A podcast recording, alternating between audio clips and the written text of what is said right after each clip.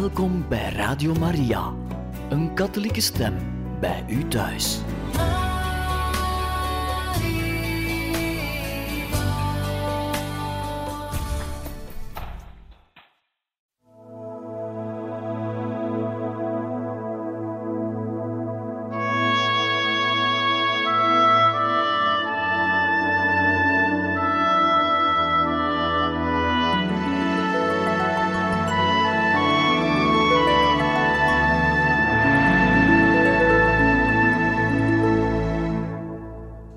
Beste luisteraars van Radio Maria, hartelijk welkom in dit programma Heilige Getuigen, waar wij begonnen zijn met de lezing van de biografie van Edith Stein, zuster Theresia Benedicta van het Kruis, geschreven door Carmeliet Anders Arbolelius.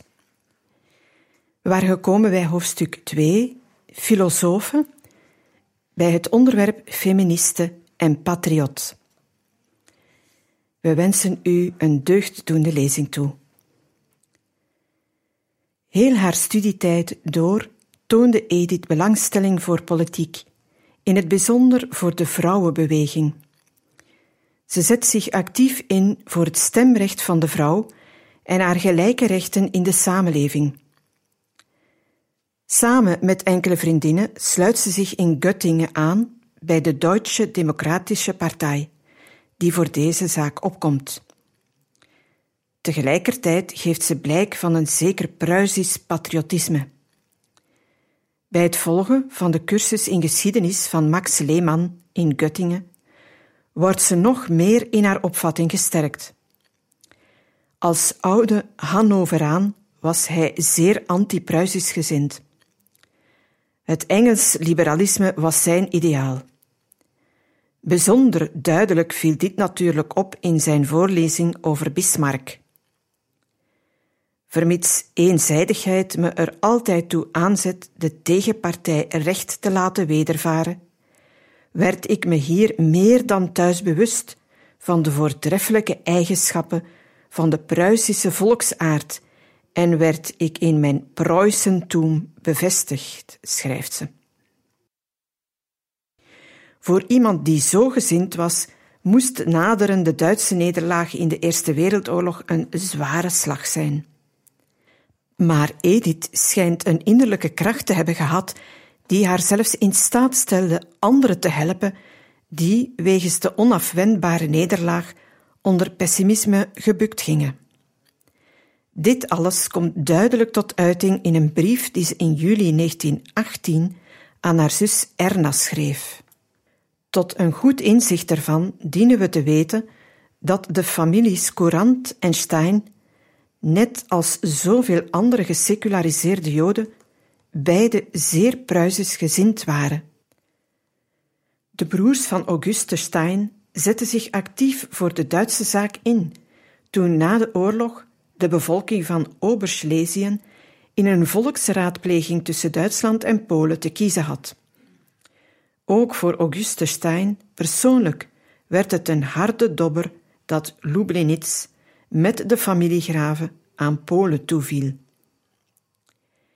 Edith schrijft als volgt aan Erna: Het doet me echt pijn van jou en van Rosa, een andere zus, uitlatingen te vernemen die bepaald pessimistisch zijn.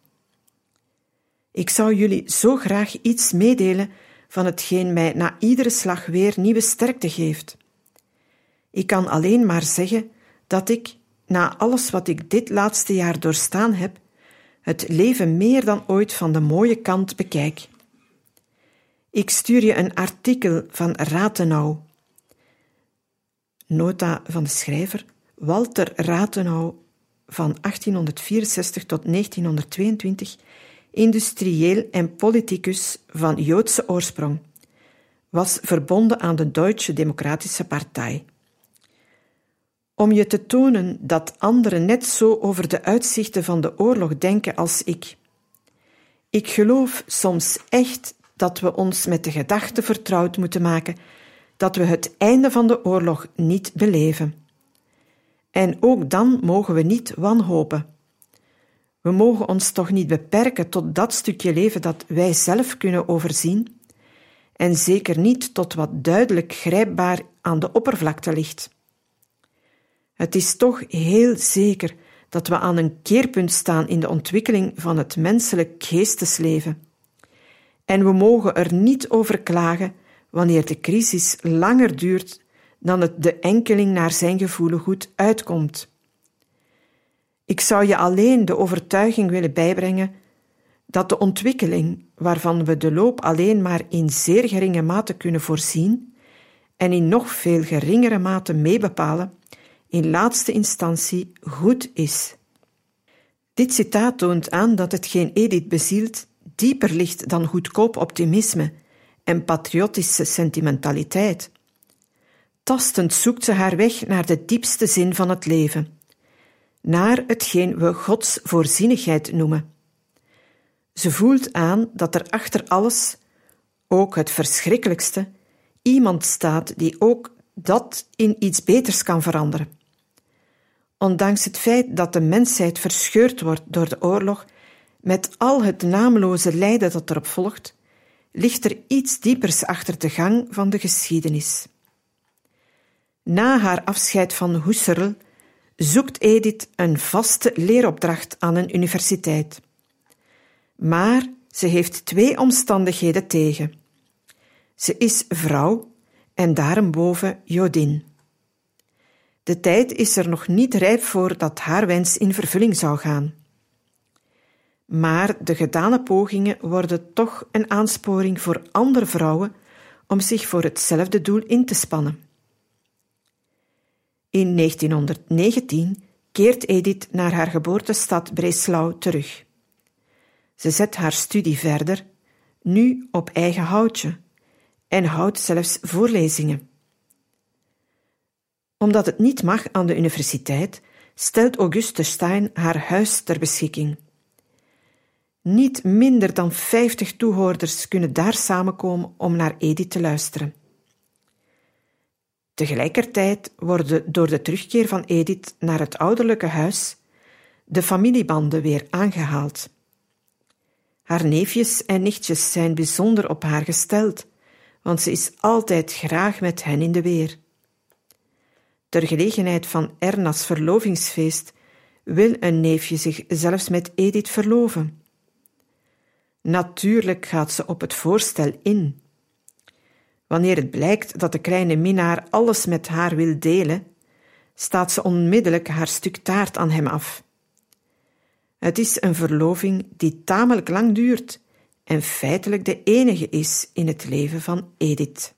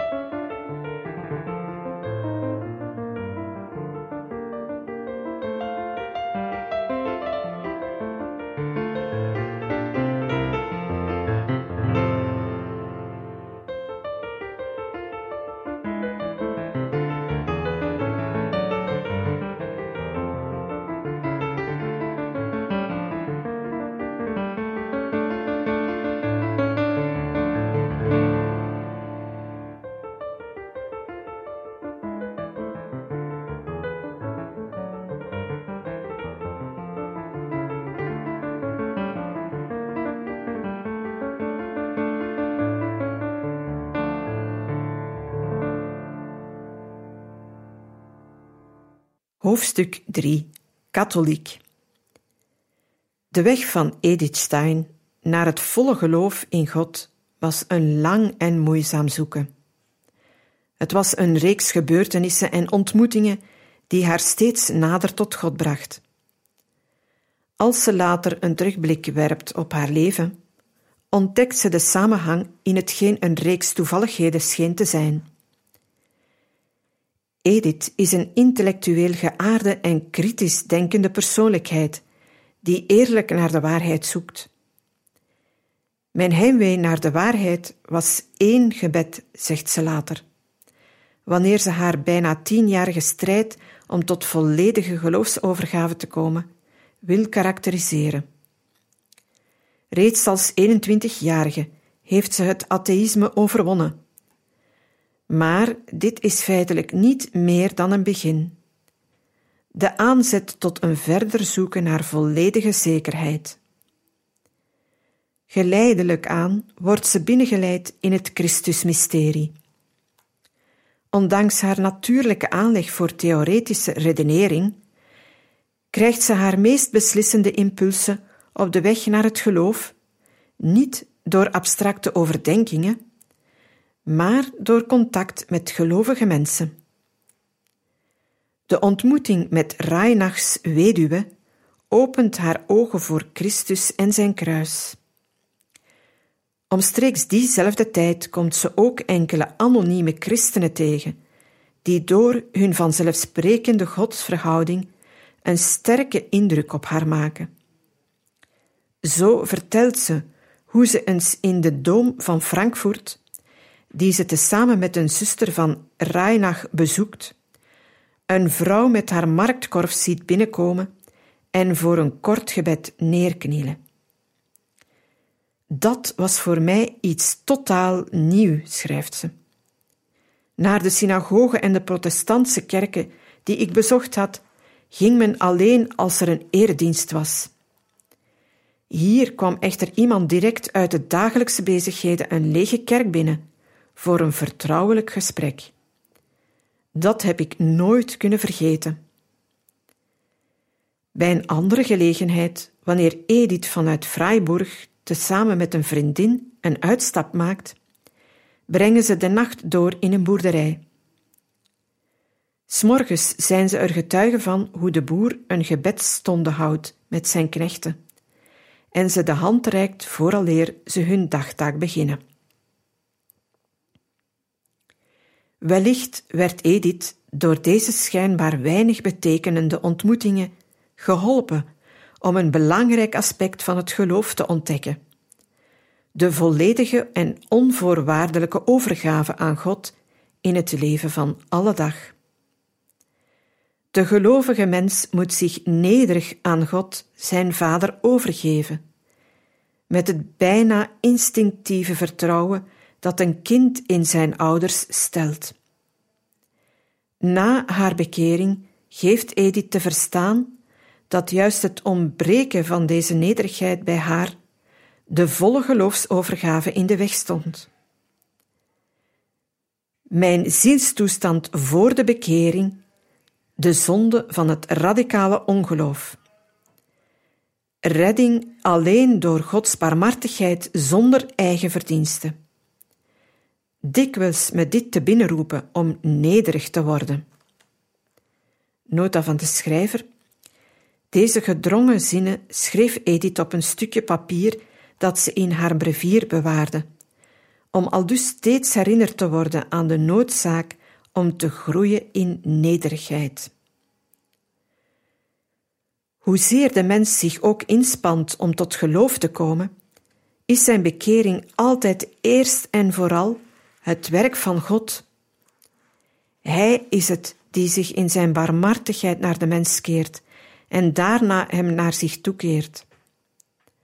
De mens hoeft slechts ja te zeggen en zich nederig aan God over te geven. Dit inzicht doorstraalt Ediths nauwkeurige beschrijving van haar toestand voor haar volledige bekering. Tegelijkertijd legt ze de nadruk op een ander inzicht: dat een bekeringsproces nooit definitief voltooid is. Men kan altijd vooruitgang maken in nederigheid en overgave. De barmhartigheid van God kent geen grenzen en het antwoord van de mens op deze gave Gods, zijn ja, zijn nederigheid en overgave, mag evenmin begrensd worden. Dit is iets dat voor Edith heel duidelijk zal worden na haar bekering. Getuige het woord zelfs hingabe dat zo vaak in haar latere geschriften terugkeert. We mogen zeggen dat het antwoord van de mens op Gods aanbod het antwoord dus dat hem tot een gelovige maakt, twee aspecten moet bevatten. Ten eerste, die totale openheid en overgave. Ten tweede, de verstandelijke overtuiging dat God de waarheid zelf is.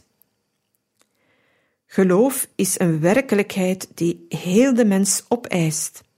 Hart en verstand moeten zich aan God gewonnen geven.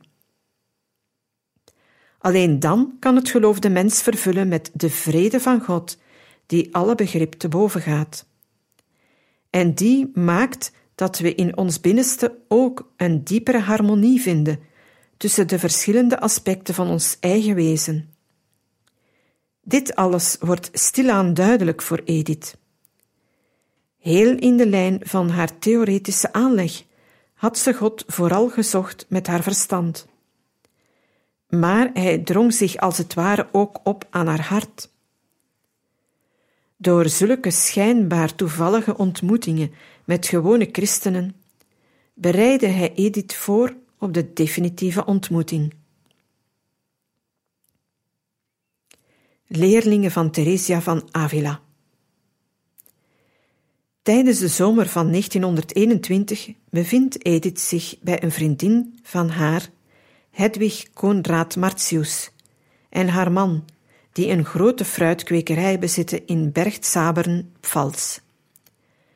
Edith helpt graag bij het praktische werk in de boomgaard. Ze heeft altijd van de natuur gehouden en is hulpzaam van aard. Hoewel ze heel haar leven door moeite heeft met elk soort handenarbeid. Haar vriendin en zij zelf verkeren beide in een toestand van ongeduldig zoeken naar God. Op zekere avond is Edith alleen thuis. Ze gaat naar de boekenkast om zich wat avondlectuur te verschaffen. Op goed geluk af steekt ze de hand uit en grijpt een omvangrijk boek. De titel is Leven van de heilige moeder Theresia van Jezus, geschreven door haarzelf. Ze begint te lezen, wordt geboeid en houdt niet op vooraleer ze het boek uit heeft. Wanneer ze het dichtslaat, zegt ze bij zichzelf: Dit is de waarheid. Zo wordt een boek Gods instrument om Edith naar het volle geloof te leiden. Maar eigenlijk is het meer dan een boek. Het is een levende vrouw die hier met zichzelf ook haar geloof blootgeeft. Edith heeft nooit beschreven wat het juist bij Theresia van Avila was dat haar tot die beslissende geloofstap bracht. Het is natuurlijk ook onmogelijk een dergelijke overgang van niet-geloof tot geloof bij een mens te analyseren. Dat is tenslotte Gods geheim. Wanneer Hij een mens in bezit neemt, kan deze nooit echt begrijpen hoe het in zijn werk gaat. Hij weet alleen maar opeens dat God alles is, dat Hij de waarheid zelf is. Het is wel typisch voor Edith dat ze zich juist van dit woord bedient, de waarheid. Dankzij haar filosofische scholing heeft ze het zoeken naar wat de waarheid eigenlijk is in het bloed. Nu krijgt ze het antwoord. Het is de persoonlijke God die de waarheid zelf is. En dit antwoord wordt haar overgebracht door bemiddeling van een mens, Theresia van Avila. Om dit enigszins te begrijpen, indien het al mogelijk is om in een zo diep persoonlijk gebeuren inzicht te krijgen, moeten we voor ogen houden dat Theresia er diep van overtuigd was dat God de waarheid zelf is. Die overtuiging werd dan voor haar de bron van een diepe nederigheid. En het samengaan van die twee, de waarheid van God en haar eigen nederigheid, vervulde haar met een overgrote vreugde. Ik was vol liefde, troost en ootmoed achtergebleven. Ik wist niet precies hoe, maar ik had de indruk hierdoor veel van de Heer te ontvangen.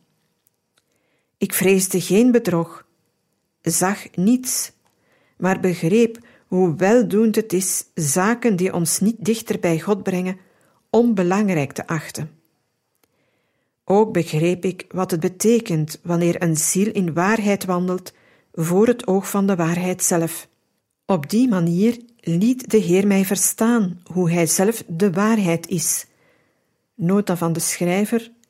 We vinden dat in het boek van Theresia van Avila, Mijn leven, uitgegeven bij Carmelitana, Gent, 1984. Herkende Edith wellicht in deze en andere woorden haar eigen toestand en liet ze Theresia's mystieke intuïtie haar eigen ziel doordringen. Men kan het eigenaardig vinden dat Edith, die toch reeds tevoren de waarheid had gezocht in het evangelie, die nu vindt in de autobiografie van Theresia van Avila. Maar de geschriften van een mysticus maken soms de innerlijke blik van een zoekende vrij voor Christus en leiden hem al dus naar het evangelie, dat dan onrechtstreeks voor hem zijn geheimen ontsluiert. Het evangelie dat door het veelvuldig beluisteren het gevaar loopt zijn frisheid te verliezen, wordt weer als nieuw wanneer we het lezen tezamen met de heiligen en de mystici en ons in het woord van God laten binnenleiden door mensen die er zelf ten volle van leefden. Talrijk zijn degenen voor wie de christelijke mystiek de weg is geweest naar Christus en het evangelie.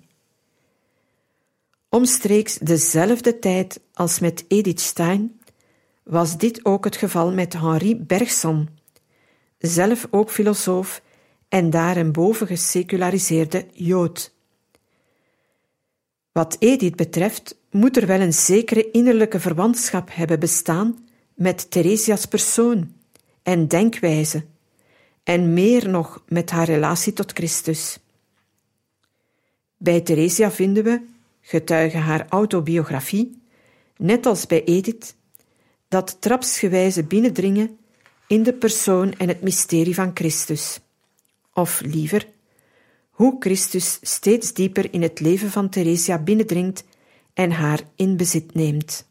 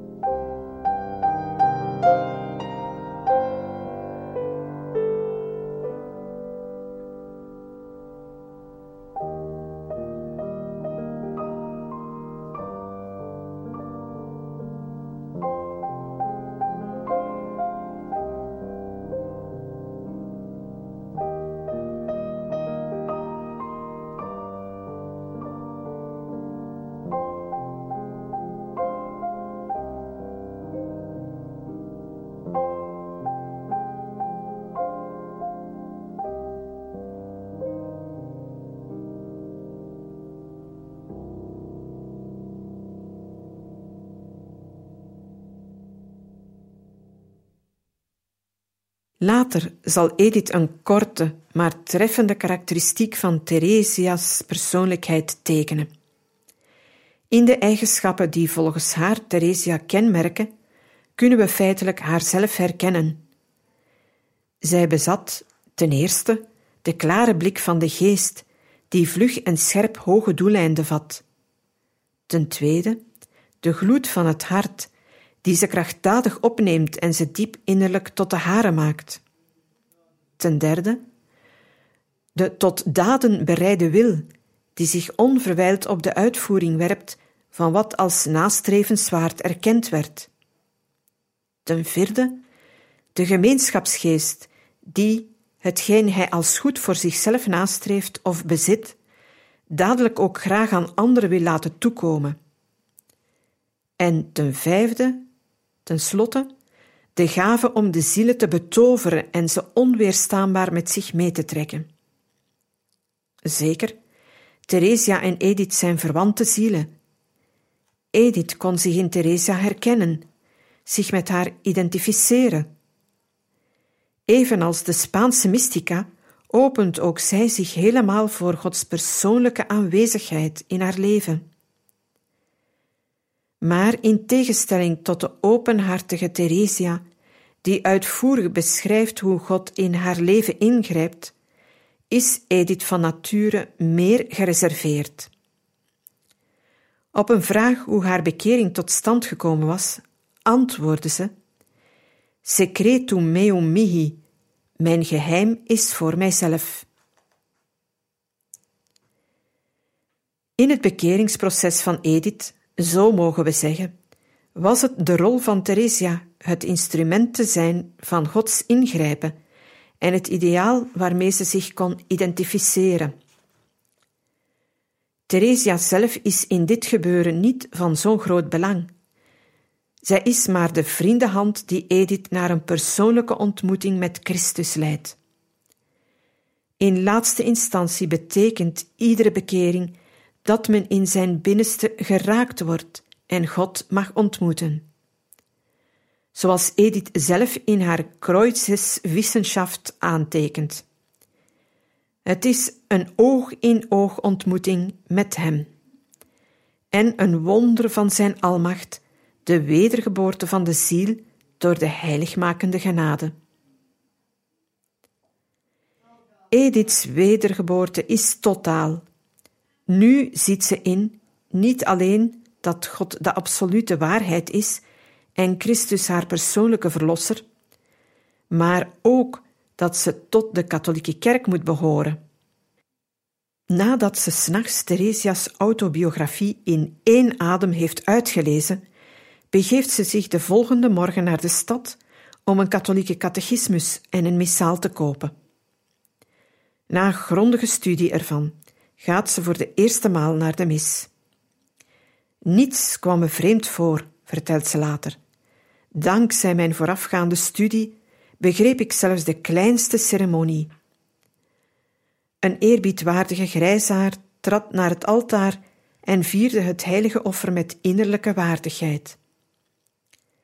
Na de heilige mis wachtte ik tot de priester met zijn dankzegging klaar was. Ik volgde hem naar de pastorie en verzocht hem kortweg om het heilig doopsel. Met verwonderde blik antwoordde hij dat aan de opname in de Heilige Kerk een voorbereiding moest voorafgaan. Hoe lang krijgt u reeds onderricht en van wie? Als antwoord kon ik alleen maar zeggen: Alsjeblieft, eerwaarde, ondervraagt u mij. De oude priester was meer dan tevreden over Ediths kennis en de datum voor het doopsel werd vastgesteld. Ecumenisch gezinde bekeerlingen. Op 1 januari 1922 wordt Edith in de parochiekerk van Bergtzabern gedoopt. Het is de dag van Seren besnijdenis, een kerkelijk feest met Joodse stempel, geschrapt sedert de liturgiehervorming. Ook in een ander opzicht is de plechtigheid enigszins ecumenisch gekleurd. Hedwig Conrad Martius, Edith's trouwe vriendin die protestant is, heeft van de bisschop verlof gekregen om haar meter te zijn.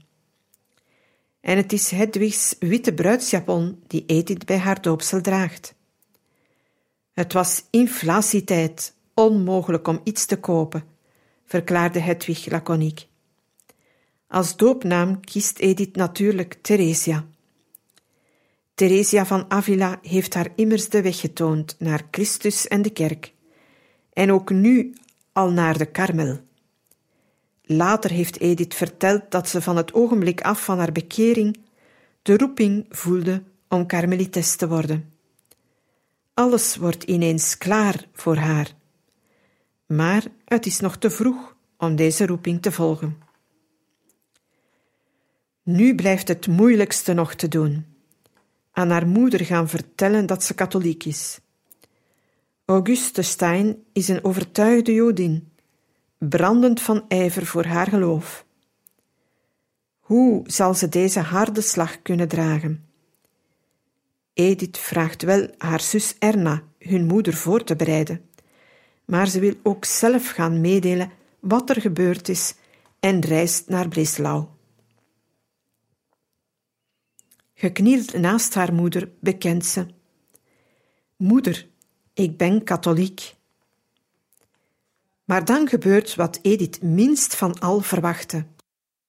Auguste, de sterke, heldhaftige vrouw, die heel alleen de verantwoordelijkheid voor zeven kinderen en voor een aanzienlijke zaak had gedragen, barst nu in tranen uit. Nooit heeft Edith haar moeder zo bitter zien wenen. Het is ongetwijfeld een van de zwaarste ogenblikken in het leven van die twee vrouwen. Ze houden ontzettend veel van elkaar, maar nu is er iets dat in het diepst van hun hart een scheiding veroorzaakt: hun geloof. Maar is die scheidingsmuur wel echt onoverkomelijk? Het ziet er naar uit dat ze ondanks alles toch diep verenigd blijven. Beiden hebben ze hun eigen heilige geloofsovertuiging, maar ondanks, of liever juist omwille van die overtuiging, ontvangen ze de kracht om een diepe liefde voor elkaar te blijven koesteren.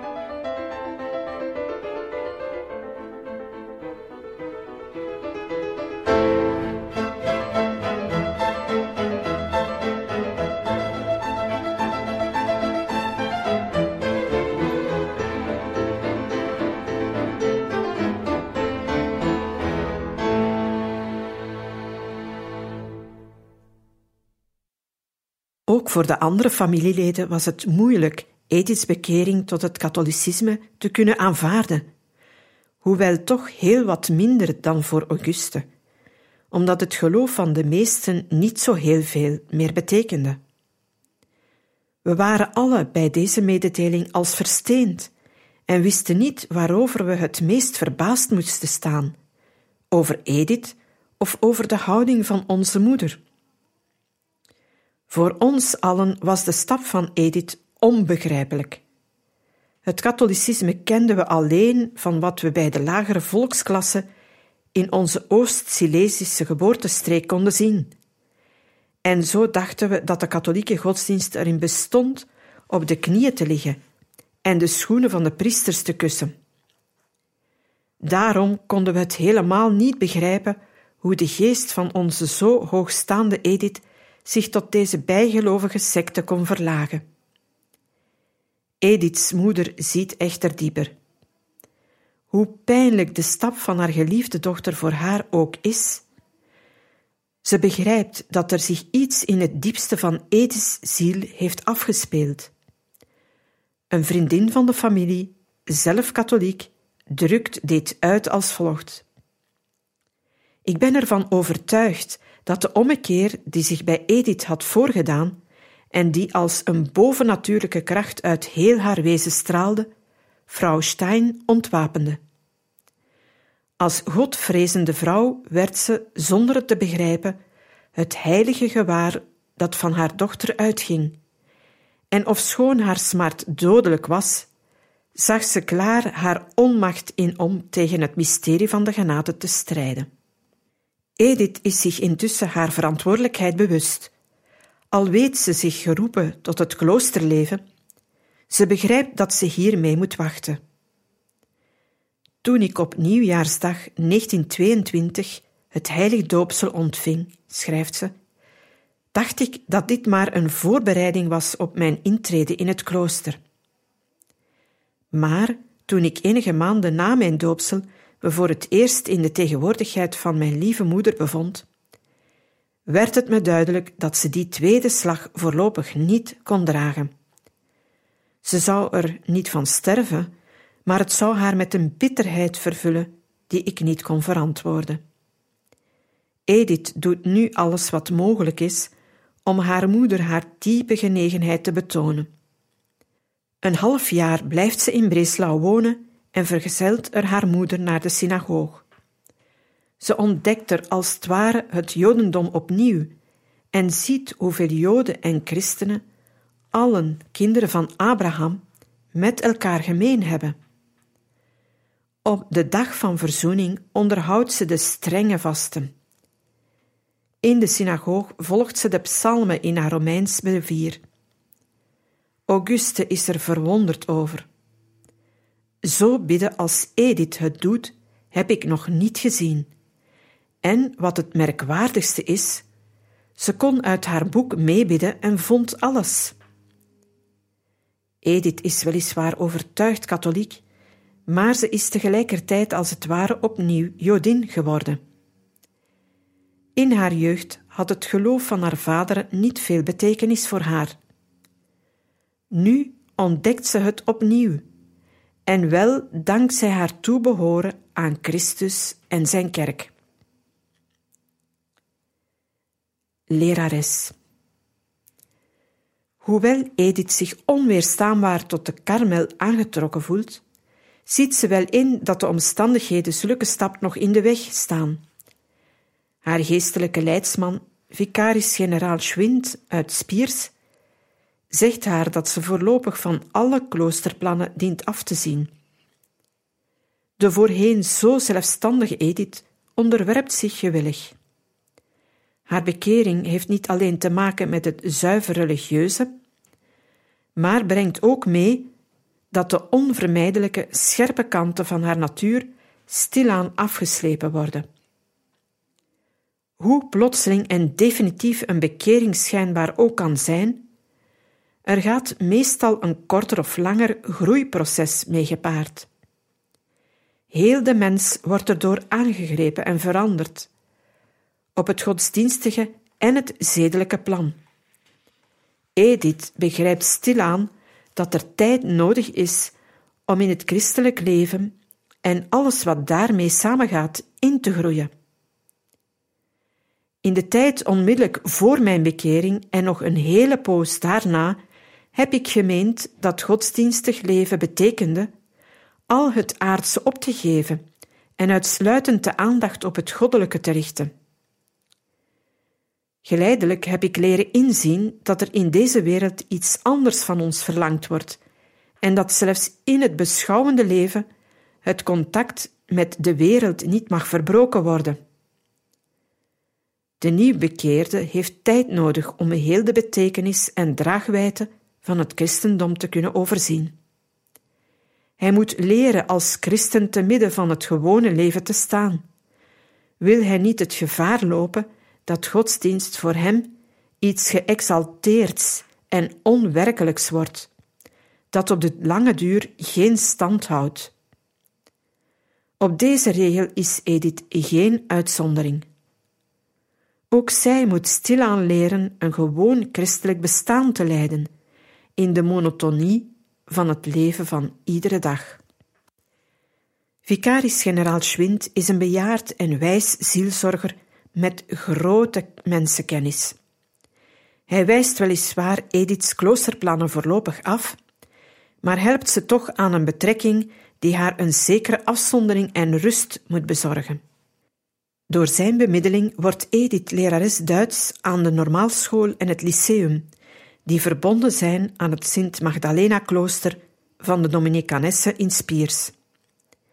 Hier vindt Edith de ideale atmosfeer om te groeien naar de volheid van het geloof.